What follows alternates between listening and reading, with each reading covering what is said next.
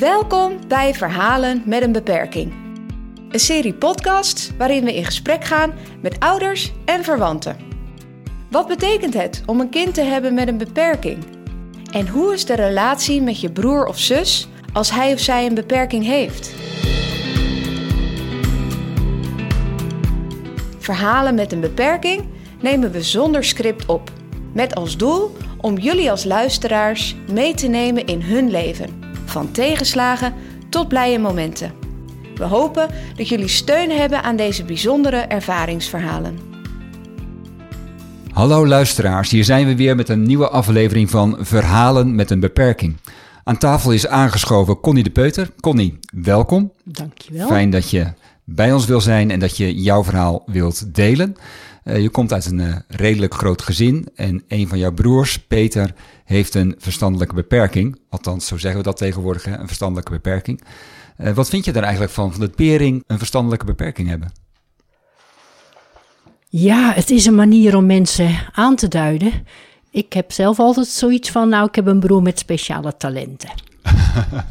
en dat zeg ik van anderen ook wel eens, waarvan waar aan het etiketje dan hangt, die hebben een verstandelijke beperking. Nee, die hebben gewoon bepaalde gaven en, uh, en talenten. Ja. En ieder mens heeft zijn beperkingen. Ja. Maar Ja. goed, dat zullen wel meer mensen zeggen. ja, en welke speciale talenten heeft jouw broer Peter? Welke talenten heeft Peter? Hij is muzikaal. Hij is vriendelijk. Hij heeft hobby's waar hij helemaal uh, voor gaat. Ja, en dat, nog even dat muzikale. Hij kan zingen en hij kan uh, orgel spelen. Ja. Dat is zo even een, een Wat greep het eerste uit de bij me talenten. binnenkomt. Ja, ja, ja, ja. ja, ja, opkomt. Ja, want um, dat zijn talenten van Peter. Maar als je Peter in zijn algemeenheid zou moeten beschrijven, hoe zou je Peter um, weergeven? Of hoe zou je willen dat wij hem leren kennen? Uh, Peter is een man die binnenkort Oh, dat zijn altijd van die lastige vragen. 66 wordt. En hij is als kind uh, gewoon ter wereld gekomen zonder uh, problemen en zo. Maar hij heeft op, als jong kind heeft hij koortstuipen gehad, waardoor hij een hersenbeschadiging opliep. En uh, nou, dat heeft dan zijn beperkingen met zich meegebracht. Maar aan de andere kant zijn talenten tot ontwikkeling waarschijnlijk. En ja, ze hebben het tegenwoordig, of misschien al heel lang ook over verstandelijke leeftijd. Ja, dat weet ik dan eigenlijk niet zo goed. Wat je bij hem zou zeggen. Want dingen waar hij voor gaat, daar is hij gewoon heel goed van op de hoogte. Hebben dan met zijn hobby's te maken. Ja, en andere dingen waarvan je denkt, ja, ja, dat weet hij misschien wel. Dat blijkt hij dan weer uh, niet te weten. Dus. Ja, want uh, waar zit Peter in de rij? Want je, het gezin bestaat uit zes kinderen. Ja. En Peter is de? Peter is de derde. Is de derde, ja. dus zit redelijk in het midden, twee boven ja. hem, een paar ja, onder hem. Ja, klopt. Ja. En, en hoe was dat vroeger bij jullie thuis? Want um, heb jij hem zelf ook thuis meegemaakt? Ja, ja. Peter heeft om te beginnen heel lang bij mijn ouders gewoond. Ik denk dat hij, nou, begin 40, half 40 pas uit huis ging. Dus in die zin uh, ja, heb ik hem volop uh, meegemaakt. Ja, zowel in de kindertijd als ook daarna ja. heeft hij nog lang bij je ouders thuis ja, gewoond. Ja, dus ja. als je dan thuis kwam, dan was Peter er ook altijd. Ja. Dus dat, uh, en hoe was dat um, om Peter thuis te hebben? Ik bedoel, Peter was anders dan de anderen. Hoe gingen jullie daarmee om? Nou, er was geen sprake van dat Peter niet thuis zou zijn. Want zo'n kind komt op je pad en die hoort gewoon uh, bij het gezin. Ja. En ik denk dat Peter ook niet uh, veel zorg nodig had tussen aanhalingstekens. En het is ook een stukje van, ik, ik, mijn ouders zagen dat denk ik ook helemaal niet zo goed wat hij dan nodig had. En uh, als je het dan wel eens had over iemand met een uh, verstandelijke beperking, nou dan was dat niet in de buurt van uh, hoe Peter was. Dus in die zin, ja, draaide hij gewoon mee in het gezin. Hmm. En was er eigenlijk niet zoveel bijzonders. Kijk, mijn ouders zorgden zelf voor hem. En als broers en zussen, dan werd je ingeschakeld en deed je mee. Ja, hij hoorde er gewoon bij en hij was er gewoon Hmm. op zijn manier. En je noemde net, um, mijn ouders hadden misschien niet helemaal in de gaten wat hij nodig had. Mhm. Uh, hoe, wat bedoel je daarmee? Uh, daar bedoel ik mee dat mijn ouders bijvoorbeeld, nou wat ik dan zeg, zo'n kind komt op je pad, dus daar zorg je zelf voor. En dat wij op een gegeven moment wel aangingen kaarten van, ja, maar zou het voor Peter niet beter of leuker zijn als hij ergens anders ging wonen? Nee, daar zorgen wij zelf voor, voor zo'n jongen. Ja, en als jullie er niet meer zijn. Wij hadden een boerderij thuis en ja, mijn ouders zijn natuurlijk van een andere generatie dan uh, jij en ik. En zij hadden ook zo van, uh, ja, je zorgt voor elkaar. En als wij er niet meer zijn, ja, dan zijn jullie er als broers en zussen. Maar misschien kan er dan ook gewoon een huishoudster in het huis komen waar wij wonen. En die kan dan wel voor Peter zorgen. Dus ze hadden een beetje die gedachte. Ja, een heel eigen gedachte. Of een gedachte. beetje veel. ja, ja, ja, ja. En, uh, hoe was dat voor Peter zelf, denk je? Um, je kan het natuurlijk niet vergelijken, want het is gewoon gegaan zoals je net beschrijft. Ja. Peter woonde bij jullie thuis, uh, heeft al lang gewoond, tot, tot zijn veertigste ongeveer. Um, je, je, ouders hadden een eigen visie op hoe het, uh, hoe het goed voor Peter was. En hoe was Peter daar zelf onder in jouw beleving? Voor Peter was dat zelf eigenlijk ook goed. Kijk, toen hij als, kind, als jong kind, hij ging ook uh, gewoon naar de basisschool, of tenminste kleuterschool. Weet ik eigenlijk niet eens of hij dat in die tijd gehad heeft. Ja, dat denk ik wel. Hij ging gewoon naar school. En ik weet wel dat hij op een gegeven moment halverwege uh, de lagere school, zoals dat dan toen heette, de switch heeft gemaakt naar de BLO. Ja. Bijzonder lager uh, onderwijs. Ik denk dat de tijd dat hij gewoon op school zat, dat dat wel lastig voor hem was, want volgens mij werd hij wel gepest. Hmm. En nu zeg ik volgens mij, en nu realiseer ik, ik weet gewoon heel veel dingen niet van hoe dat vroeger rondom Peter ging. Want het was altijd maar een beetje gissen. Hoe is dat nou zo gekomen, die koortstuipen? En, en hoe was Peter dan? Ja, het enige wat je dan van je ouders meekreeg van... Ja, de kinderarts zei dat hij nooit had gedacht dat hij er nog zo uit zou komen. In die zin eigenlijk gewoon een, gezonde jongen is die uh, kan lopen en, en, praten en doen. En uh, ja. ja, wel die dan zou je kunnen zeggen, dan zeiden ze op school kan die niet zo goed meekomen, maar verder gaat het, uh, gaat het prima. Ja, ja, ja. En omdat wij met een groot gezin waren, ja, was er voor Peter natuurlijk ook altijd wel aandacht. En, en was er iemand die met hem optrok en, en dat soort dingen. Ja, dus ik denk dat hij dat ook gewoon als goed ervaren heeft. En toen hij naar de BLO-school ging, ik weet ook eigenlijk niet, nou jij het vraagt van... ja, hoe was dat eigenlijk voor Peter vanuit zijn eigen dorp naar de grote stad, die helemaal niet groot was, naar de, om naar de BLO te gaan? Ja. Um, ja, wat ik dan van Peter wel weer opvallend vind, hij ging daar zelf met de bus naartoe. Oké, okay, zelfstandig. Ja, en dan moest hij fietsen naar dorp en dan moest hij met de bus. Maar een van de dingen die mijn ouders ook hadden van... nee, alsjeblieft geen busje hier op het erf. Dus denk ik ook wel dat schaamtegevoel. Ja.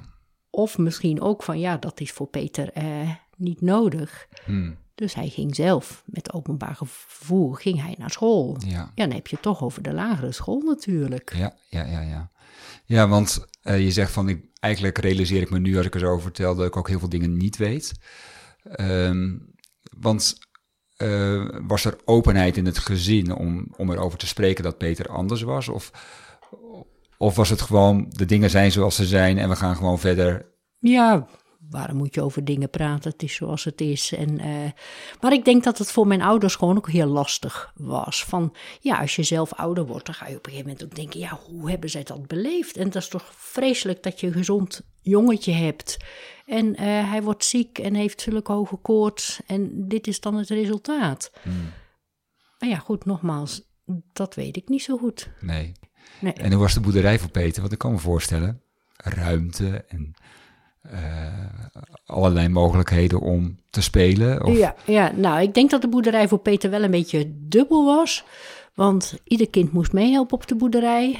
En Peter moest ook wel meehelpen op de boerderij. En dat heeft hij gewoon heel lang gedaan. En uh, ja, dat was gewoon wel eens lastig, de verhoudingen tussen uh, Peter en zijn vader. En later Peter en zijn broer die dan opdrachten gaven. En denk ik verwachten dat Peter dat ook gewoon eh, zou doen. Ja, dat kwam niet altijd even goed uit de verf. En Peter was ook wel een beetje eigenwijs. Dus dan was het ook wel eens lastig om hem aan te zetten van zou je dit of dat, eh, zou, je, zou je dat willen doen?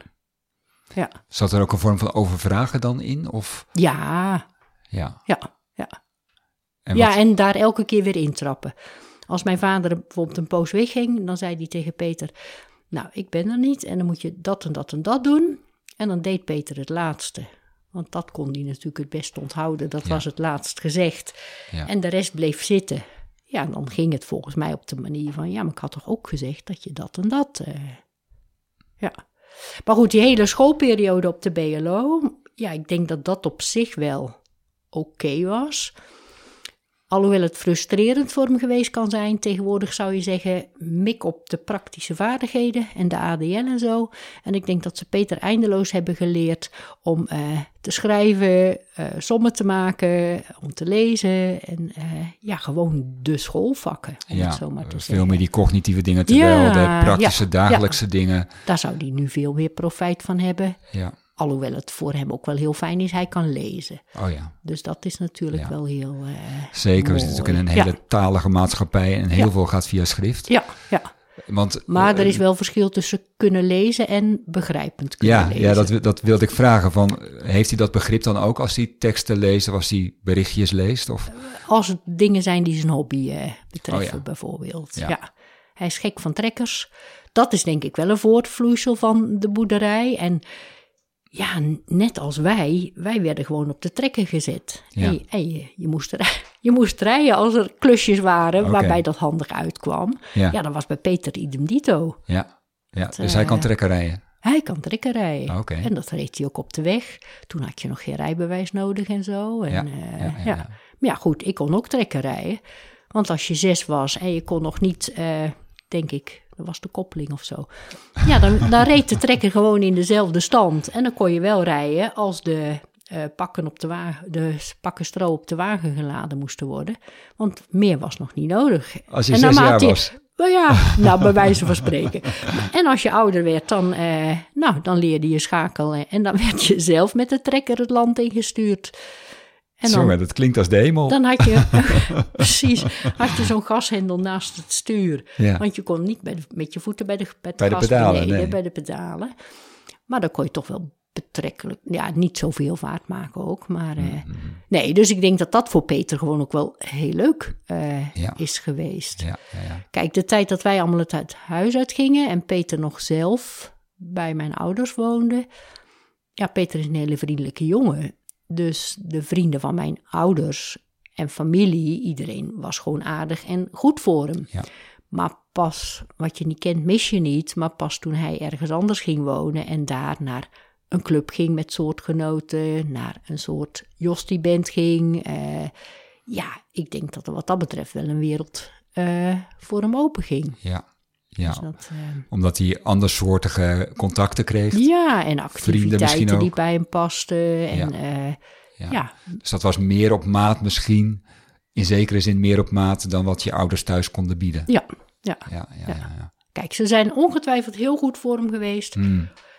En eh, ja, ze hebben voor hem gedaan wat, wat, wat ze konden. En hij heeft het denk ik gewoon goed gehad. En ook die combinatie met zussen en broers was denk ik ook goed. Maar eh, ja, het had anders voor hem geweest als hij op jongere leeftijd, denk ik, uit huis was gegaan. En dan had hij qua praktische vaardigheden en zo misschien ook nog allemaal wel meer geleerd dan wat hij nu, eh, nu kan. Zelf heb je gekozen uiteindelijk voor een vak als geestelijk verzorger met mensen met een verstandelijke beperking. Eh, dan zoek je helemaal die kant op van gesprekken voeren, mensen ondersteunen, eh, praten over zingeving, maar ook met eh, de- wat we tegenwoordig cliënten noemen, vroeger bewoners, ehm, hoe je hun, kunt ondersteunen. Ehm, dat klinkt alsof dat best wel aan de andere kant zit van hoe je thuis. Nou, daar werd niet heel veel over gevoelens en dat soort dingen gepraat. Je deed gewoon en je deed het met elkaar. Ehm, hoe zie je die twee ten opzichte van elkaar? Dat je zo'n, ja, echt praatvak zou ik bijna zeggen, gekozen hebt. Ja, misschien wel juist om eh, wat je zelf gemist hebt. Maar aan de andere kant, mijn vader werd als ouderling altijd zeer gewaardeerd En juist om de gesprekken die hij met mensen voerde. Oké, ja. Dus dat zat er ook in. Ja, nee, precies. Ja. Ja. Maar gewoon binnen het gezin deden we dat dan niet zo. Dus in die zin, eh, ja, hebben we dat als kind, denk ik, toch wel meegekregen dan onbewust van eh, praten is wel belangrijk. Ja, en dan gaat ook weer tellen van de generatie natuurlijk. Ja. En de stap van, ehm, dat wordt natuurlijk wel vaker gevraagd, ben je in dit, bij deze doelgroep terechtgekomen vanwege je broer? Dat weet ik dan ook niet zo goed. Eh, vroeger had ik zes weken schoolvakantie natuurlijk. En ik stond voor de klas, had ik ook zes weken Ja, vakantie. vroeger voor de klas gestaan, ja. Ga ja. wat nuttigs doen, Philadelphia kamp. ja, en hoe ik daar dan opkwam, dat, dat weet ik niet zo goed. Nee. Dat die Philadelphia kampen bestonden. En, eh, dus dat heb ik een keer of drie gedaan. En toen op een gegeven moment wilde ik uit interesse theologie gaan studeren. En dat heb ik dan gedaan. En ik zag de advertentie van de Willem. En toen heb ik gesolliciteerd. Maar ik wist echt niet dat er zulke instellingen begonnen, bestonden. Mhm.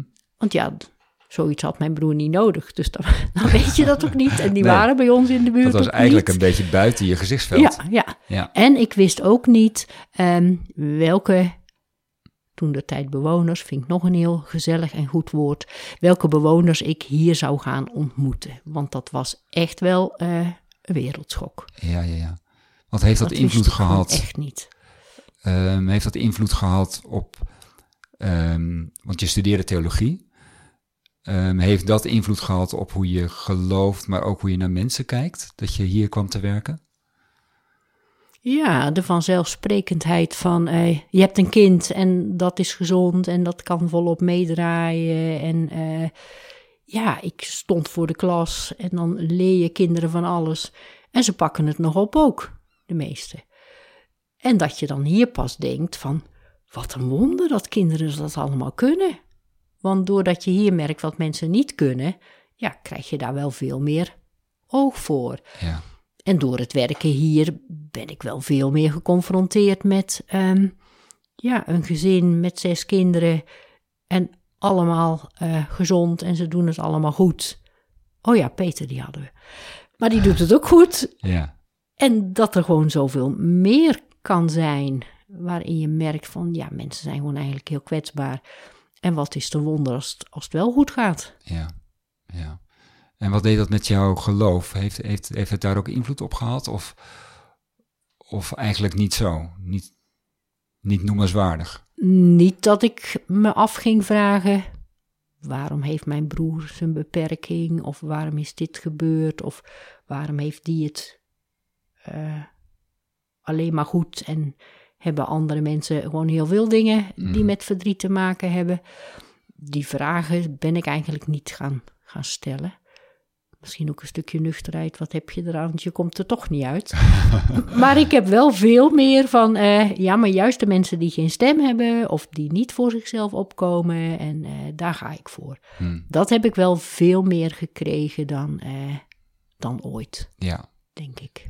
Ja. Is, is dat dan te linken aan hoe Jezus met mensen omging, die ook mensen naar voren haalde, die in de schaduw stonden of in de, aan de zijlijn stonden, zeg maar, dat hij hen wat erbij probeerde te betrekken?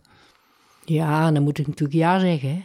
Ja. Ja, als je christen bent, dan moet je doen wat Jezus doet. En, eh, Nou, daar ben ik dus nieuwsgierig naar, want misschien eh, eh, kijk je daar wel anders naar. Ja, juist door, dat, door wat je hebt meegemaakt en door hier te werken. Ja, nou, ik denk niet dat het bij mij was van. ehm, oh, in de Bijbel staan die verhalen. Jezus kijkt om naar de mensen die eruit liggen en de mensen aan de rand.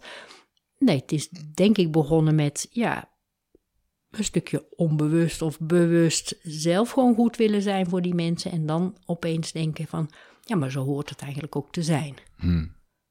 Dus ik heb niet eerst in de Bijbel gezocht van als ik op de Willem ga werken, hoe moet ik dat dan gaan doen en voor wie moet ik het hardste roepen? maar als je het omkeert, voor wie roep ik het hardste, dat ik denk, ja, dat lijkt wel op hoe het bedoeld is. Ja, ja, ja, ja. Zonder mezelf op de borst te kloppen. Want kijk, er zijn ook mensen, eh, ja, ook binnen ons gezin zijn er ook verschillen in. eh, hoe beleef je je geloof en eh, hoe betrokken en, en hoe ga je daarmee om? Ehm, ik weet niet of andere zussen en broers. Als ze deze podcast horen, dan hebben we misschien een gesprek. Het zou zomaar kunnen. Ehm, zou mooi zijn. die bijvoorbeeld van zichzelf zullen zeggen van nou nee, ik ben niet zo gelovig. Die zijn, we zijn allemaal op onze manier goed voor Peter en ook voor mensen als Peter. Dus niet, Ja. het is niet ons kent ons, maar eh, dus. Ja, het, het kan verschillende kanten op gaan. Eh, eh, ik hoorde een tijdje geleden Midas Dekkers, de bioloog, praten over zijn twee verstandelijk beperkte zusjes. En die heeft zoiets van, ja, God kan gewoon niet bestaan als, als dit geboren wordt. En dus die heeft daar zijn eigen manier van omgang mee gevonden, namelijk door te zeggen, God kan niet bestaan. Mm, Eh, dus kennelijk kan dat ook, hè, dat het zo aan je leven schudt of Ja, zo. ja. Ehm, en bij hem is het uiteraard weer anders dan bij jou, want je vertelt al, Peter doet eigenlijk best wel gewoon mee. Eh, is ook nog sociaal eh, best gezellig, Ja. ook met andere mensen. En uit het verhaal van Midas begreep ik dat dat bij hem wat anders ligt. Dus dat- Ja, en dan kan ik het me best voorstellen. ja, Ja. ja. dus, eh, dus, maar bij jou is dat eigenlijk, heeft het eigenlijk niet echt noemenswaardige invloed gehad op nee, hoe jij nee, tegen nee, geloof, tegen God of Nee. ehm, Nee. daar tegenaan kijkt. Ja, ja. Maar goed, het komt ook gewoon wel, denk ik, door hoe Peter is. Ja. Het is gewoon een hartstikke lieve jongen. Ja. En hij is altijd blij voor de dingen die je, die je doet. Ik denk dat hij zijn begeleiders ook honderd keren bedankt voor alles wat vanzelf spreekt in de zorg. En ja, dat maakt het natuurlijk ook wel heel makkelijk Ja. om met hem om te gaan. En ik kan me best wel voorstellen dat er mensen zijn met andere talenten dan Peter, bij wie dat gewoon voor familie en als ouders gewoon veel lastiger eh, ligt. Hmm. Dan snap ik zelfs dat je bijvoorbeeld als broer of zus niet komt. Ja. Ja. Dat, eh, Ja. ja, want je hebt zelf ook eh, broers tussen gespreksgroepen geleid. Hè? Dat je mensen met elkaar in gesprek brengt. Eh, ook oude gespreksgroepen. Eh, wat neem jij dan extra mee als geestelijk verzorger eh, naar zulke groepen? dat wanneer je het als ouders of als broers of zussen lastig vindt om er voor je kind of voor je broer of zus te zijn, dat ik dat gewoon heel goed begrijp. Omdat hoe het vroeger thuis was gewoon heel erg meespeelt. Maar ook hoe, hoe ben je zelf? Wat is je karakter en wat, wat zijn je mogelijkheden? En ja, niet iedereen kan gewoon even goed met eh, bijzondere mensen uit de voeten. En eh, ja, dat ik dat gewoon heel goed eh, begrijp. In elk Het kunnen geval. inleven. Die worsteling en, En ja, eigenlijk ook ervaringsdeskundig bent. ja, Dat je het van dichtbij hebt meegemaakt. Ja. Ook al is iedere situatie weer uniek. ja. En wat, wat, ehm, wat heeft het jou gebracht, zeg maar, om juist met deze toch kwetsbare mensen eh, te werken? Heel veel plezier. Heel veel plezier en veel voldoening, eh, omdat je veel voor mensen kunt betekenen. Maar ik hou ook heel erg van, ehm, wees maar jezelf en wees eerlijk en eh, ja, doe maar gewoon. En we spelen hier geen poppenkast en, en geen, geen toneel en we zijn niet bezig met uiterlijke dingen en dogmatische vragen. En eh, geloven wordt er gewoon veel makkelijker op. Ja. Als je, tenminste in dat opzicht, als je werkt met mensen met een eh, verstandelijke beperking, ja, binnen een instelling als CRLO. Als ik bij een plaatselijke kerk zou werken, zou ik het veel moeilijker hebben. Want, dominee, hoe zit het dan precies met dit? En eh, hoe kan God nou houden van, ehm, nou, enzovoort. Ja, hier zijn we daar gewoon niet zo mee bezig. Van God, die houdt van je, je beste vriend. En eh, nou, ik zeg niet dat iedereen voelt van je mag er zijn, maar dat probeer mensen dan natuurlijk wel mee eh, Ja. te geven. En wat ik van, van het werken als geestelijk verzorger met deze doelgroep ook heel mooi vind, ja, ze halen een stuk creativiteit in jezelf naar boven en daagt je uit. En in elke situatie weer even naar wat anders zoeken. Ja, dat houdt je wel, houdt je jong. Ja, want waar zit precies dat plezier? Waar, eh, waar, waar beleef jij echt plezier aan eh, in het werk met, de, Eh, met, met de mensen die hier wonen? op een speelse manier bezig zijn met de dingen die met geloof en levensvragen te maken hebben. Dat speelse. Maar ook dat eh, de diepte in bezig zijn met, ja, zo ziet mijn leven eruit en hoe ga ik om met de dingen die ik lastig vind en wat doe ik met de dingen waar ik blij mee ben. Hmm. Ja, want je, je zult ook regelmatig te maken hebben met mensen die eh, het moeilijk hebben vanwege dat er misschien iemand overleden is. Of Ja. dat er juist nare dingen gebeuren. Dan word jij ook ingeroepen, word je ook eh, ingezet. Ehm, hoe is dat stukje? Kun je daar iets over vertellen? Ja, dat ik het dan heel mooi vind dat je in zo'n moeilijke situatie voor mensen wat kunt betekenen. En wat is dat? Wat, wat kun je daar dan betekenen? Ehm, ja, toch zoeken naar een stukje troost. Eh, wat kan helpen als mensen zelf denken van ja, hier kan ik niet mee omgaan. Dit verlies, dat raakt me zo diep. En dan ga ik niet zeggen om te beginnen van ehm, eh, ja, maar dat kun je wel. En nee, ik, ik ben er voor de mensen en ik volg ze meer dan dat ik voorop zou gaan lopen. En zou gaan zeggen van, eh, nou, hobbel maar achter mij aan. Of doe maar de dingen zoals ik ze doe. Of zussen, zo zou je kunnen doen en dan komt het wel goed. Nee, ik denk ook de erkenning van, het is nu gewoon hartstikke moeilijk. Ja. En eh, wat kan jou nou helpen om, om hier mee om te gaan en om verder te komen? Ja, dus, dus dat vraagt van jou dat je die ander leert kennen en dat je die ander daar probeert te ondersteunen waar wat misschien al in die persoon zelf is, Ja. maar waar die dan net een stukje hulp bij nodig Ja, heeft. ja. Ja. Ik denk de dingen die je mensen oplegt, dat die niet helpen. Ik denk wel dat het kan helpen. ehm, ja, door jezelf te zijn. En soms ook een stukje van jezelf te vertellen. Hoe je met, met dingen omgaat. Ehm, dat dat ook wel kan helpen. Maar vooral van geen dingen die niet bij mensen passen.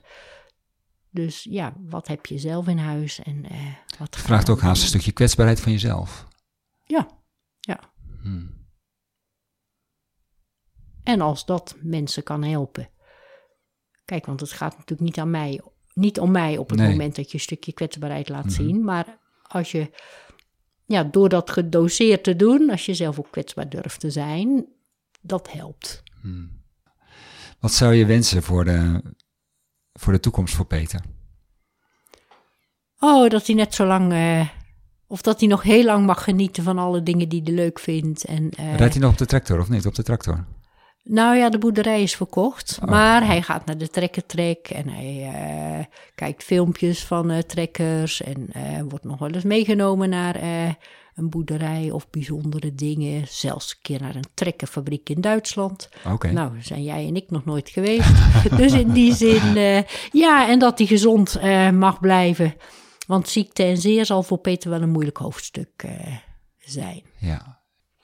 Als je met terugwerkende kracht nog iets tegen je ouders zou mogen zeggen, wat zou je dan tegen ze willen zeggen?